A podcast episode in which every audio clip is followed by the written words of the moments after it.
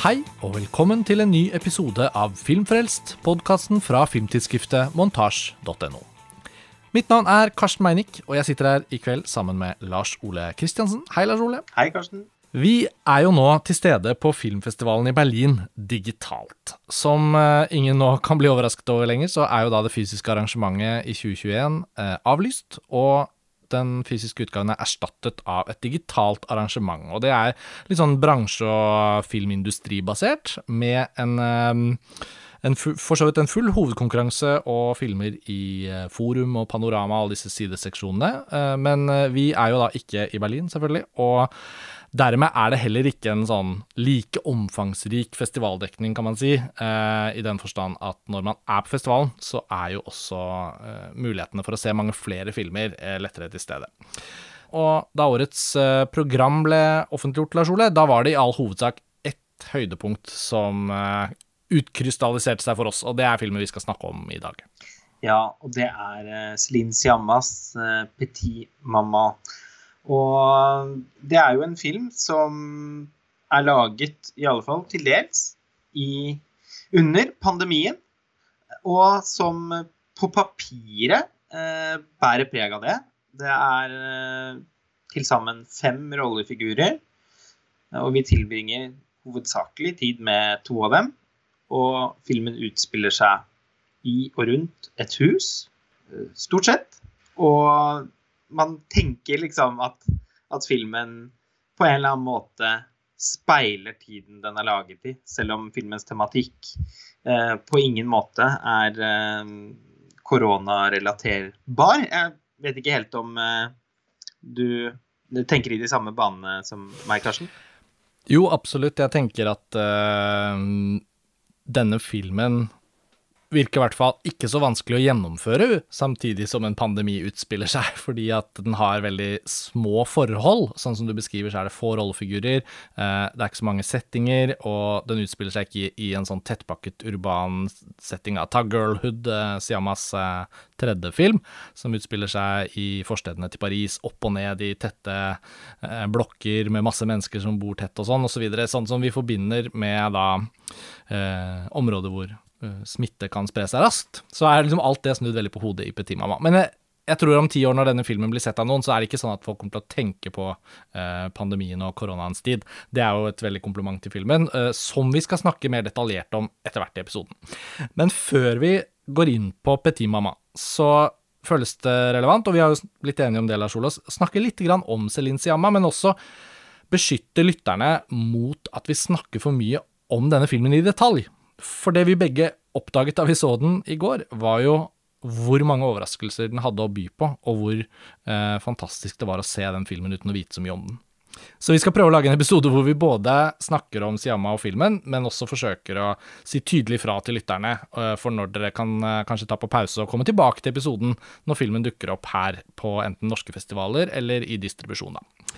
Så Lars Ole, vi må jo snakke om eh, Siamma og og litt hvordan hennes filmografi har vokst frem, og øh, jeg, jeg, tenkte på det i forkant av opptak nå at du og jeg spesifikt har faktisk ikke snakket så mye om Siamma på podkasten. Men hennes forrige film, 'Portrett av en kvinne i flammer', ble jo gjenstand for to episoder av Filmfrelst. Først fra Cannes, da dere så den der nede, og så da jeg møtte Siamma for et intervju i Oslo i forbindelse med kinolanseringen. Så for lytternes del så har nok Siamma vært, vært, til stede en god del i podkasten. Også når vi har vært gjennom årslister og sånn, så har vi selvfølgelig kommet inn på det igjen. Um, hvor startet det med Siamma for din del? Eh, det startet eh, med begynnelsen. altså eh, Vannliljer, som var en av mine favorittfilmer det året den ble lansert. det var også tilfellet for Tomboy, som mm. jeg så i 2012 på TIFF, altså i Tromsø. Og de to filmene er jo uh, på hver sin måte coming of age-fortellinger. Så det var jo et motiv jeg uh, lenge forbandt med, med Siamma, og som hun i og for seg uh, ja, videreutviklet i Girlhood, som mm. er en film jeg har litt blande følelser for. Det Altså, de første 80 minuttene eller noe sånt nå av den filmen er eh, Mm. Syns jeg er et, et mesterverk. Mm. Og hadde den sluttet idet jentene legger seg ned eh, på et hotellrom for å ta en hvil, Mm. og Para One sin helt utrolige uh, musikk eskalerer enda mer enn på noe tidligere tidspunkt i filmen, så, så hadde den filmen Så hadde Girlhood vært en klassiker for meg. Eh, for mange er den jo eh, det, eh, på tross av det jeg mener er en himmelropende svakhet ved, eh, ved, ved fortellingen, nemlig at den fortsetter i en halvtime til og blir et slags sånn eh, halvhjertet eh, Dardenne sosialrealistisk eh, drama som jeg virkelig følte at ut, befant seg ganske langt utenfor Siamma sin komfortsone. Ja, jeg husker vi hadde den samtalen allerede den gangen i Cannes i 2014, da den ble vist i Kanzen, eh, Directors Fortnight. Og det som er fint for Girlhood sin del, er i hvert fall, etter mitt syn, at den har likevel ikke blitt noe svakere eh, ved gjensyn eller etter hvert som tiden har gått. Altså, det er fortsatt sånn at i den grad det var en skuffelse, så var det der og da i Cannes, og det å erkjenne at vi så det, det føltes veldig som en sånn klar observasjon. Og, og en sånn tydelig opplevelse. Altså, man ble jo løftet så himmelhøyt for så å bli smelt i, i bakken.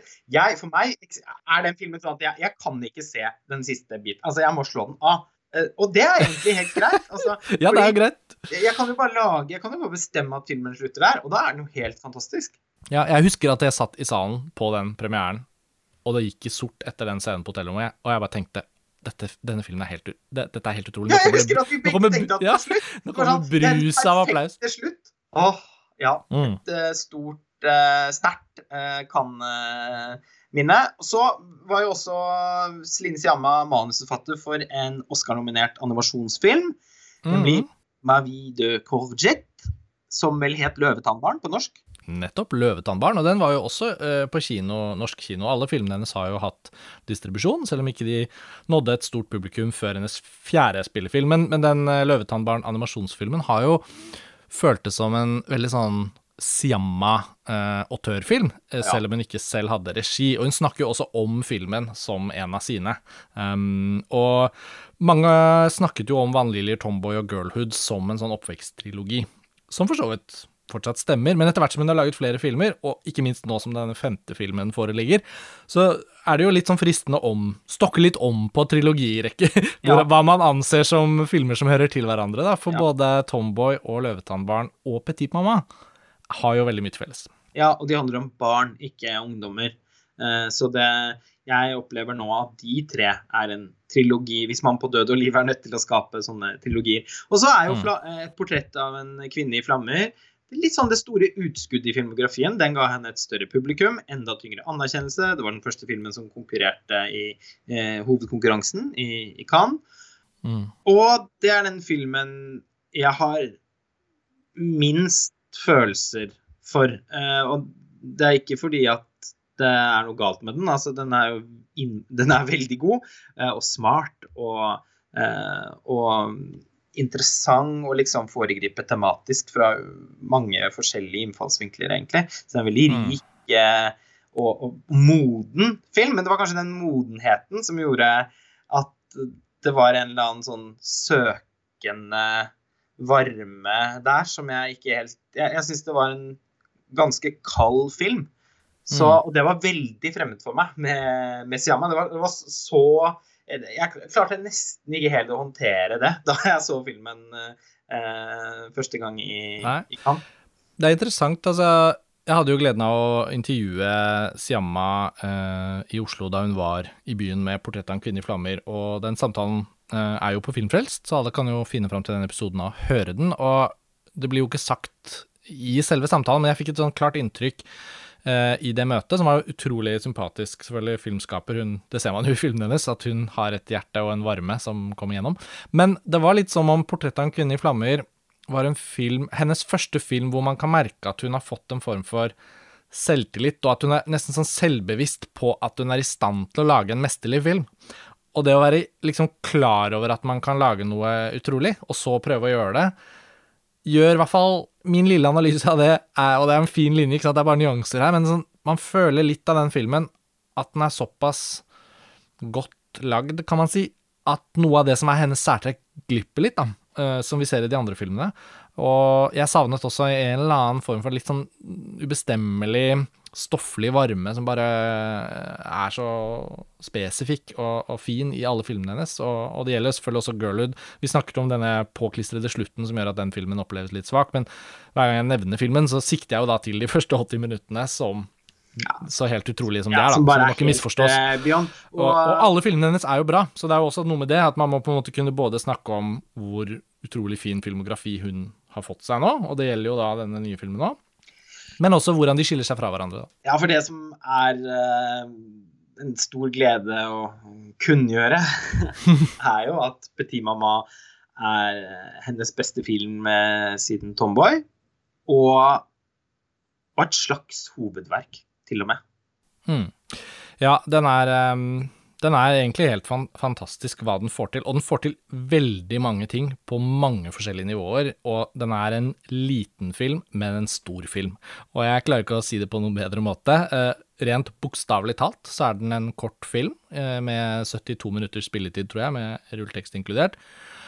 Men det har for, for så vidt ingenting å si for hvilket inntrykk filmen gir. Og eh, jeg tror vi begge er også enige om at appetitten på å nå egentlig se den igjen, bare dagen etterpå, er veldig stor. Um, men den har altså ting å by på som vi bare ikke kan avsløre. Altså, vi kan ikke si det med et ord. Og det betyr ikke at eventuelt lyttere som har lest en og annen sak om filmen i forbindelse med Berlinalen, kanskje har gått glipp av, eller altså fått ødelagt filmen. Jeg tror ikke det er akkurat det, men i den grad noen av dere hører på nå og ikke vet helt noe særlig om filmen, så må vi bare oppfordre dere til å prøve å holde dere unna så mye som mulig informasjon om den. Da. Så vi skal jo varsle når vi begynner å snakke om den i detalj.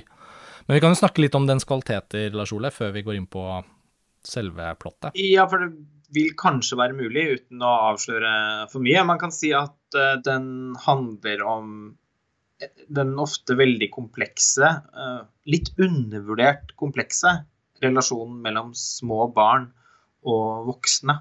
Mm. Og jeg tror også at en annen ting folk kommer til å legge fort merke til, er jo at den ikke er noe sånn Den er veldig en sånn forlengelse av det Siyama har holdt på med, da. Men den introduserer en del nye fortellergrep. Og hun jobber jo med veldig mange av de samme medskaperne, da. Altså eh, komponisten Parawan eh, og fotografen Clématon som jobbet på 'Portrett av en kvinne i flammer'. Ikke hun fotografen fra de tre første filmene, men også klipperen, som er en veldig sånn nær samarbeidspartner. Vet jeg. Det nevnte, han nevnte hun også i det intervjuet vi gjorde den gangen. Um, han heter Julien Lacheret, hvis ikke jeg husker feil.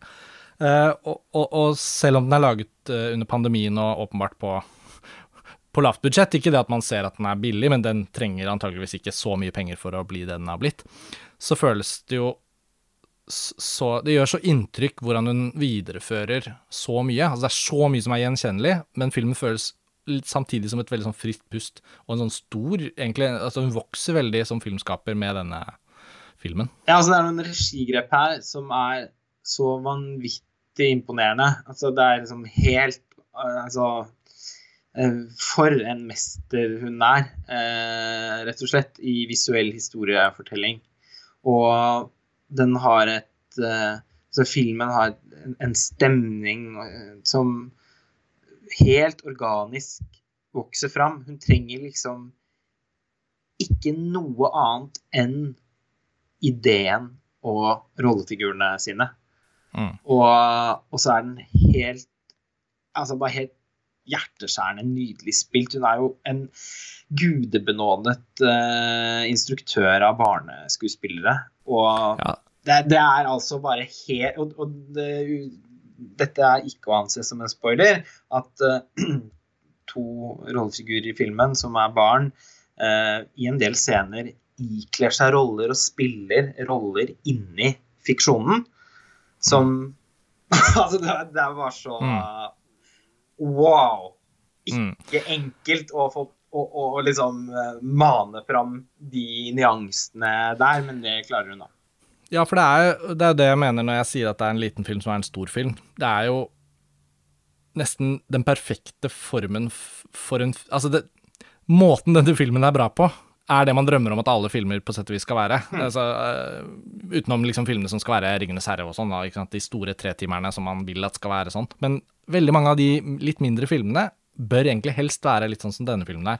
Uh, og den får det til på en sånn fantastisk måte. Det er ingen fellestrekk mellom denne og Lyset fra sjokoladefabrikken av, av Dagan Augerud, men det var et annet tilfelle hvor man ser en film som er en time lang og tenker at denne rommet jo alt det den kunne romme. Det, det er så imponerende hvor, hvor in, mye inntrykk den gjør, og jeg vil mye heller se denne filmen om igjen enn å se en sånn eh, 112 minutters film som, som bare ender opp i å være ingenting, da. Men det er jo en fascinerende parallell eh, mellom lyset fra sjokoladefabrikken og eh, Petit Mama, i den forstand at den, lyset fra sjokoladefabrikken hadde jo også på en måte vært den perfekte pandemiproduksjon.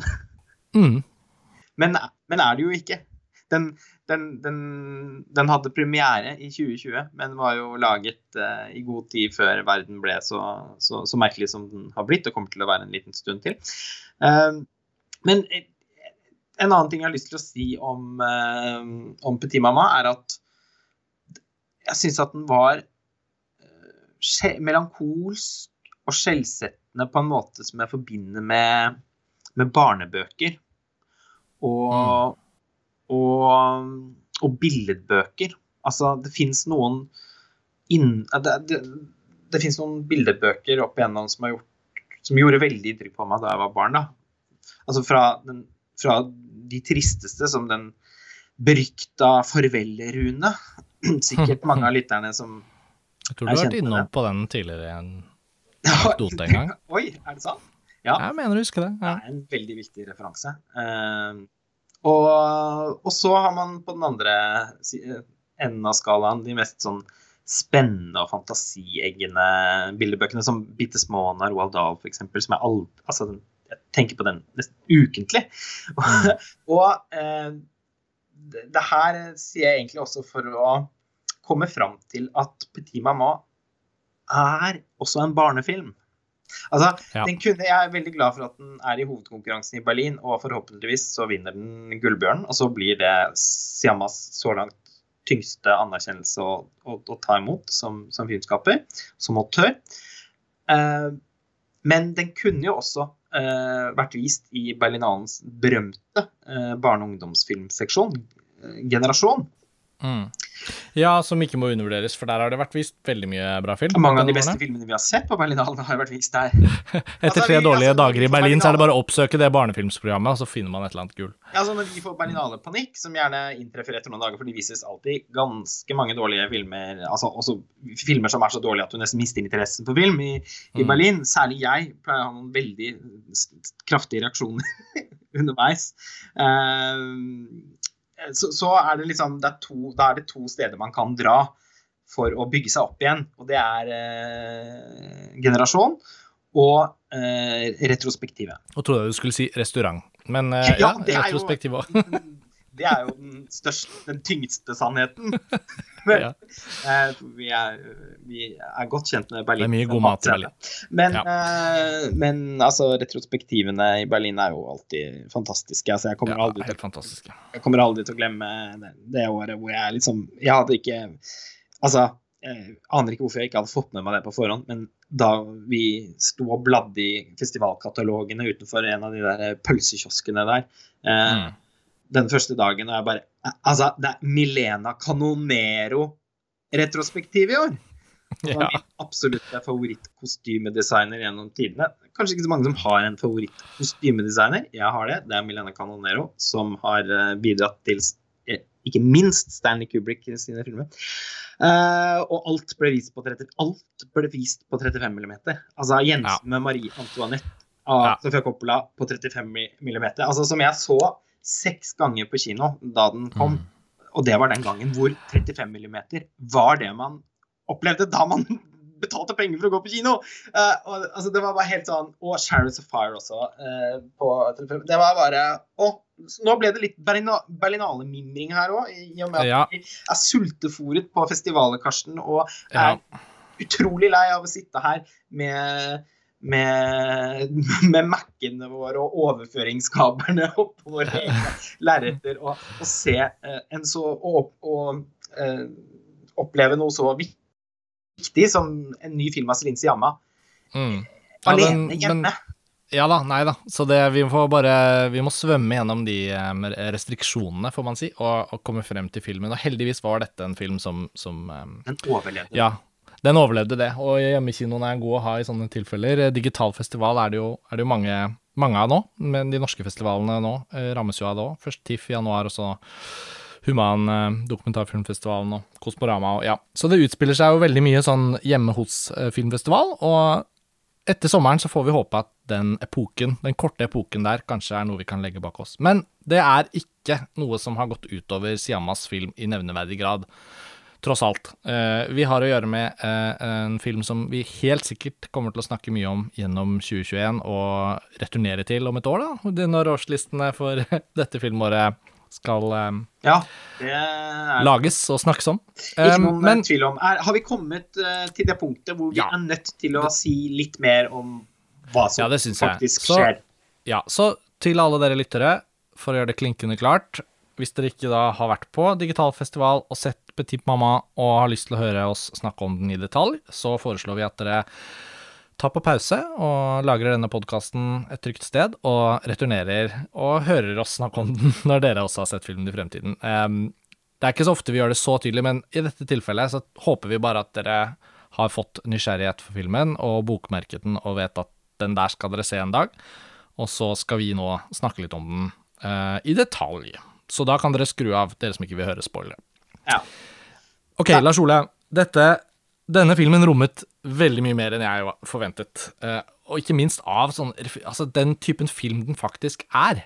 Uh, hadde jeg ikke egentlig forventet fra Siamma. Den er jo både en tidsreisefilm og en slags sånn metafysisk drømmefilm. En spøkelsesfilm. Og, og en spøkelsesfilm. Og ja, det er så mye å ta i her. Og jeg tenker sånn, begynte å tenke på det nesten allerede i åpningsscenen, når hun gikk og sa ha det. For det handler jo da om denne, eh, hva er hun, åtte-ni år gamle jenta som er på sykehjemmet hvor bestemoren akkurat har dødd, og hun og moren er der for å ta med noen ting og sånn, og så går hun rundt og sier ha det til de andre beboerne der. Og allerede i den scenen kjente jeg sånn at det var noe litt sånn uhyggelig. Eh, så tonen blir egentlig satt med en gang.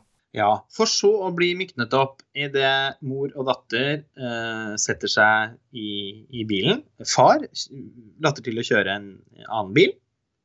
Ja, han er en veldig diffus type. ja, uh, og Eh, og det oppstår et øyeblikk eh, der, der de skal dele en eh, pose med ostepop, som jeg syns var så rørende at Ja, det, ja altså, det var, jeg var oh, Det var sånn ja. Det smalt med, sånn skikkelig. Og bare oi, oi, oi. Nå, da tenkte jeg at nå er vi i gode, trygge hender. Ja, det var veldig sånn Siamma-motiv, da. Jeg, jeg, jeg, tenker umiddelbart selvfølgelig også på åpningen av Tomboy, som er så fantastisk i en bil. Uh, vi vet ikke hvor de er på vei, vi hører bare så vidt lyden av noe vind, det er ikke noe billyd eller noe, og vi ser bare en jente som har uh, Eller et, et, barn, vi ser jo ikke engang om det er en gutt eller en jente, men som har hatt hodet opp av den der luka i, i taket på bilen, og, og, og etter hvert som vi skjønner at hun har en veldig sånn leken far som lar henne liksom styre litt og sånn, så får man litt sånn introduksjonen, da. Far-datter, i det tilfellet Tomboy. Og, og, det var umulig ikke tenke på det. Men den scenen med ostepopen som, og hånden rundt, rundt bilsetet der, og morens liksom tålmodighet og kjærlighet for henne, det var så rørende. Så det, filmen brukte sånn cirka tre minutter på å bli sånn enorm. Ja, det er, altså, det er, så rart. Og så kommer de eh, til eh, huset, da, eh, der bestemoren har levd sitt liv. Og mm. moren til eh, hovedrollejenta, eh, Nelly, som hun heter, eh, vokste opp. Og de skal tilbringe noen dager der for å rydde ut og vaske og ja, på en måte avvikle livet der. Ja, og det er jo et sånt rite så mange mennesker har måttet gå gjennom i en eller annen sammenheng, om det er en bestemor eller en annen slektning, om det er eh, ikke engang et dødsfall, men litt sånn vi skal flytte. Det er jo også et motiv i Tomboy, at den familien er jo da på vei til å flytte inn et nytt sted. Um, så det der med sånne uh, forflytninger og om ikke renselser, så i hvert fall sånn derre å ta farvel med noe og ønske noe annet velkommen, føles som veldig sånn ekko, da, i hvert fall fra Tomboy. Ja, og uh, Nelly blir jo da nødt til å tilbringe en del tid uh, for seg selv, for å ikke stå i veien. altså Hun blir invitert til å delta litt uh, og sånn, men uh, det er jo også spennende for henne å utforske hagen og skogen like ved. Og, og så er hun nysgjerrig på hva slags liv som har blitt levd i det huset, også Mm. utover det hun selv har fått tilgang på. Hun kjenner på en melankoli på morens barnerom. Eh, det er på en måte Det er ikke direkte usagt i filmen, men eh, eh, Siamma evner liksom å få kommunisert det før det oppstår en samtale mellom de to som handler om at at moren egentlig ikke var så glad i det rommet, fordi hun syntes det var så vanskelig hver gang det ble mørkt. Mm. Og eh, så igangsetter det igjen på en måte en eh, Ja, en, noen spørsmål fra, fra Nelly om, om hvordan morens barndom egentlig var. Altså utover helt sånn pragmatiske opplysninger som at man lekte med de og de lekene og var glad i den og den maten og sånn. Hva var det noe som Ja, kom, hun er Altså, hun, hun vil på en måte bli bedre kjent med moren sin, og så Mm. er det åpenbart at moren har noe lukket ved seg som, som datteren opplever som litt vanskelig. Ja, det er, ehm, det er også så, så nydelig fortalt og nydelig skapt, på en måte, av Siyama, hvordan den scenen helt rolig bare liksom egentlig plutselig har fortalt deg om veldig mange dype mysterier, da, egentlig, mellom dem.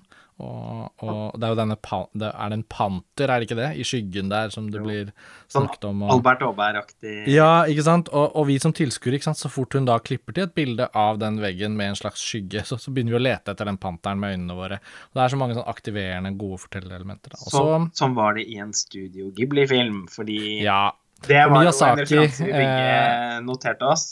ja, og det er jo umulig å ikke tenke på min nabo Totoro etter hvert som filmen da skrider frem, fordi i den nøkkelscenen som, eh, som setter filmen inn i det giret den er på vei til, da, det er jo da hvor hun eh, Nelly leker med en eh, sånn racket, en gammel sånn papp treracket med en ball som er bundet til en tråd, eller ganske lang tråd, da, strikk, som gjør at sant, du kan slå ballen av gårde, og så kommer den tilbake. En av verdens tristeste leker. Leken som er sånn Du skal leke alene, så vi har konstruert denne leken her for deg. Det er masse historikk i denne leken. Men, Det er egentlig et spill som du skal ha med noen andre, men du må gjøre det alene. Ja da, ja da, veldig smart Den, tenkt. og en veldig avviklet leke, opplever jeg. Jeg kan ikke huske å ha Ja. sett en sånn uh, siden barndommen. Nei, jeg tror ikke Nelly helt har sett den, hun heller, for hun prøver den ut litt og innser at uh, ja, det var kanskje ikke så gøy, og den var veldig gammel fordi tråden ryker og ballen forsvinner sånn inn i skogen. Og da følger hun etter. Og da kommer liksom bare en av de vakreste sånn barnefortellingenes urscene, hvor barnet liksom går litt lenger inn i skogen enn forrige gang. Og det skjer jo i Minabo Totoro, og jeg holdt på å si det føles ut som en sånn Astrid Lindgren-motiv òg. Og så møter hun en annen jente. Ja. En typisk sånn nabolagsjente. Og så, Hei, er du også her? Ja. Skal vi leke? og så leker de. Eh, og så lurer nabolagsjenta på om eh, nyjenta har lyst til å bli med henne hjem. Og Nelly takker ja. Og eh, så lager hun en fabelaktig kopp med kakao på en veldig rutinert, rørende rutinert eh, måte. Mm. Og så ah, er det noen av kamerainnstillingene der som avslører at værelsene i det minste ser veldig like ut som de vi har sett, men ikke brukt masse energi på å ta inn over oss i, i bestemorens hus. Uh, og så styrkes fornemmelsen, eller fornemmelsen Ja, er- blir til uh, fakta Ja. det Nelly drar hjem igjen og, uh, og entrer en tilsvarende, tilsvarende tilsvarende inngangsparti. Og her har på en måte filmen beveget seg inn i en slags et slags Christopher Nolan-aktig Möbius-bånd. Eh, og vi har eh, fått eh, et svært subtilt, men ganske effektivt innslag av skrekk, som må sies å være litt sånn Shyamalan-aktig. Og så eh, er jo filmen plutselig enda noe voldsomt mer. Ja, og altså, nå kjente jeg jo litt at det hadde vært fristende å prøve å gjenfortelle hele filmen, og den er jo ikke så lang, så vi kunne jo på en måte satt pris på, på det, fordi det er jo så mye man får lyst til å snakke om når man setter, setter ord på de scenene. Men, men, frem til hit, i hvert fall, så føler jeg det er veldig relevant å gjøre det på den måten, fordi vi, vi, vi, gjenforteller jo også litt til oss selv hvordan det er å skride inn i det denne filmen har å by på, og det er jo akkurat det punktet du kom til nå, hvor man skjønner at oi, er det det som skal skje nå. Og så um, Så god er altså Siamma til å lage film at hun, hun er nå på et nivå hvor hun kan gjøre dette med så stor tillit til at vi er med, og med akkurat de virkemidlene som trengs men hun er også bevisst på at hun ikke er på en måte en i hermetegn sjangerfilmskaper. Så det er ikke sånn at hun må omgjøre filmspråket sitt for å bli mer eh, tilpasset de sjangerne vi er vant med. At f.eks. gjør sånne temporale hopp, tar oss inn i sånne sirkulære eh, labyrinter narrativt som vi ikke kommer ut av. Eh, rollefigurer fra forskjellige tidsplan som møtes, osv. Hun gjør det med sin samme vanlige, sedvanlige fortellereleganse fra, fra det vi har sett av henne. Men det virker like naturlig for henne å lage denne typen film, og det tror jeg var en av de tingene som imponerte meg mest. For det var ingenting med dette overraskende elementet som føltes unaturlig. Det var så organisk med hva denne filmen da handler om, for den handler jo veldig mye om sorg og på en måte ensomhet, men litt mer sånn kompleks form for ensomhet, hvor de for hovedjenta, da, Nelly, går ikke rundt og er en sånn trist barn. Det er ikke sånn uttalt at hun er så veldig lei seg, men hun, hun søker etter noe i forhold til sin egen mor. Og gjennom å søke etter det, så, så, tas hun med, da, eller hun selv tar seg selv med, på en reise tilbake til sin egen mor. For det viser seg jo da at denne andre jenta, Marion, er hennes egen mor. Eh, og da er vi i gang. ja, og det blir jo altså så, så dypt rørende, da. Det er, eh, tårene spratt. Eh, er Altså, det er sjelden Man har sett en så klok og så utrolig vakkert skrevet film mm. om forholdet mellom barn og, og, foreldre, og kanskje særlig døtre og mødre. Uh. Det har seg jo sånn at uh, sønner og fedre og, og, døtre og mødre gjerne har litt mer kompliserte forhold enn en motsatt. Mm. Og ja, det er jo nærliggende i hvert fall å anta at det sikkert eh, er noe selvopplevd fra Siamma her, som, som filmen eh, utforsker. Ja, og, og det, det, vakre sånn sett med hva, filmen, hva ved filmen som nødvendigvis er personlig, det er jo det at ettersom Siamma selv er lesbisk, så har jo noe av den behandlingen av ung seksualitet i de andre filmene blitt tatt veldig sånn bokstavelig av publikum og kritikere. At man på en måte Å ja, her ser vi hvordan en filmskaper som selv er homofil, eh, utforsker hvordan det var da man var ung og sånn. Og det er jo ingenting galt i det, selvfølgelig, og det er det jo så mange eksempler på. Mens det som skjer her, er jo at filmen den har ikke en sånn én-til-én klar tematikk som er sånn dette er det barnet opplever som gjør at det handler om det her.